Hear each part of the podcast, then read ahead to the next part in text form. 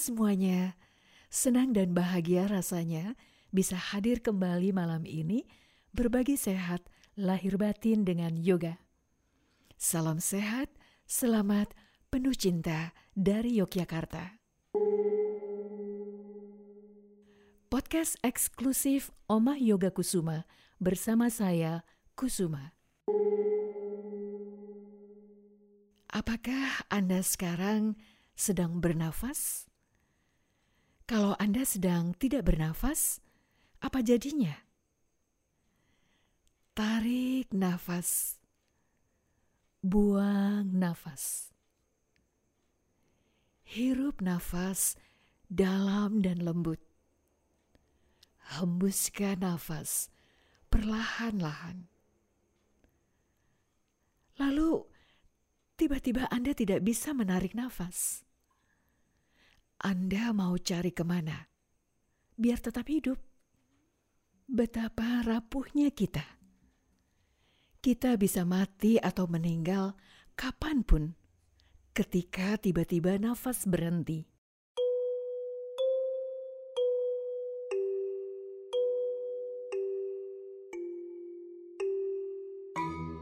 Tahukah Anda, saat kita belajar atau mau menyadari nafas yang keluar dan nafas yang masuk dari hidung kita, kita semakin sadar sebagai manusia yang rapuh.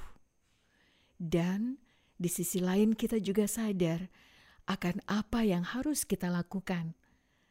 Karena kita menjadi sadar bahwa Tuhan menciptakan kita lengkap dengan nafas yang membuat kita hidup. Tuhan sehebat itu ya. Beliau membuat kita begitu sempurnanya.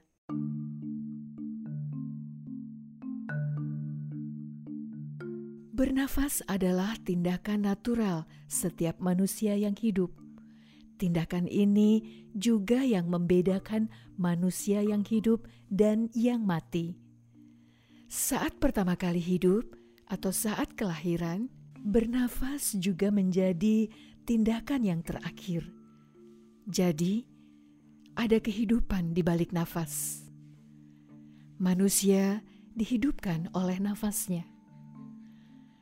Saat bernafas, udara akan memasuki tubuh, membawa serta oksigen atau O2 yang berasal dari atmosfer, yang berfungsi sebagai bahan penunjang aktivitas sel tubuh.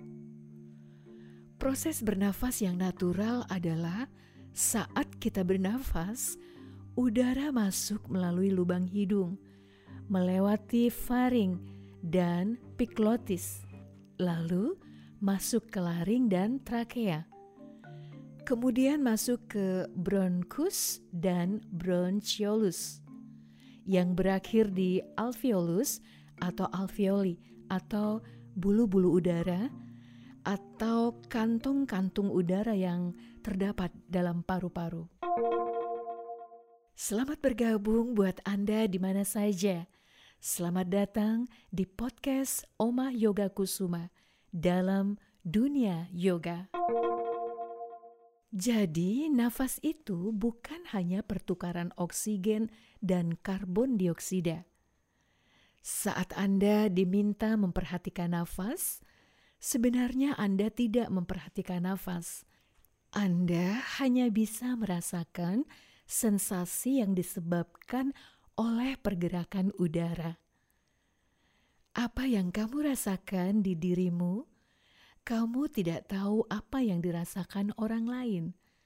Karena ini terjadi di raga atau tubuh fisik, bukan orang lain. Anda hanya tahu sensasi yang disebabkan oleh nafas. Rasakan seperti ada tali yang mengikat Anda dengan raga Anda. Jika kita mati, jiwa ini dan raga ini akan terpisah. Bila kita punya kesadaran bahwa tubuh kita ini bukan satu, tapi terpisah, maka kita akan menyadari betapa nafas itu adalah jiwa yang mengikat tubuh dan pikiran kita. Podcast Omah Yoga Kusuma hadir di setiap Selasa dan Jumat malam. Jangan lupa follow dan bagikan ke keluarga atau teman-teman yang memerlukan ilmu ini ya. Terima kasih.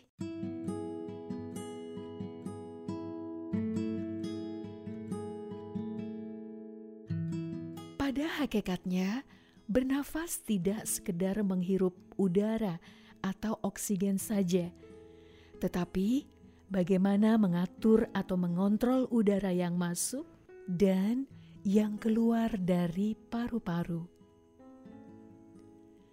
Pengaturan atau pengontrolan pada nafas adalah ilmu penguasaan nafas itu sendiri.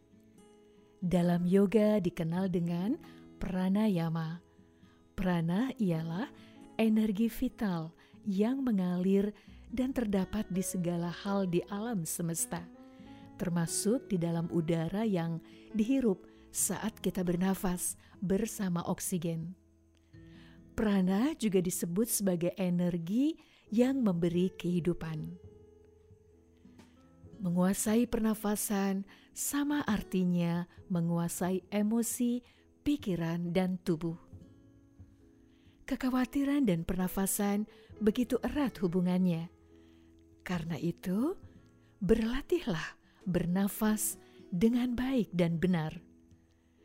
Anda tidak perlu menggunakan obat tidur atau penenang. Dengan bernafas teratur dan dalam, semua gejala khawatir dan rasa takut pun akan hilang.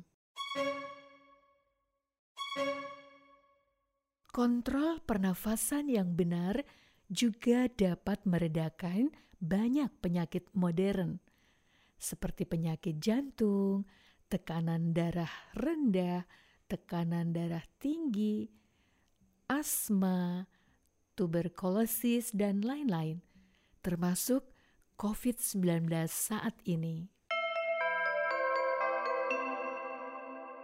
Banyak orang bernafas dengan cara bernafas yang salah. Maksudnya, mereka bernafas dengan terlalu banyak menggunakan otot bahu dan dada. Mereka bernafas juga dengan tidak menggunakan hidung saat menghirup nafas. Dalam pernafasan yoga Dirga Swasam Pranayama, Anda belajar bagaimana menggunakan otot diafragma saat bernafas. Diafragma adalah sekat rongga dada yang membatasi antara rongga dada dengan rongga perut. Rongga dada berisi paru-paru dan jantung. Rongga perut berisi lambung dan organ-organ pencernaan lainnya. Pastikan saat menarik nafas, lakukan lewat hidung. Dan saat mengeluarkan nafas, juga melalui hidung.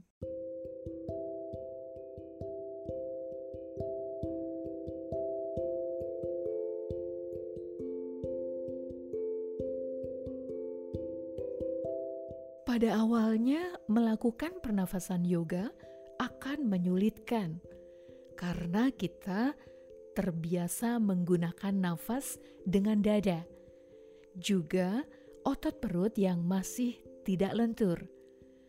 Tetapi dengan melakukan latihan pernafasan yang teratur secara bertahap, Anda akan dapat mempraktikkannya dengan baik.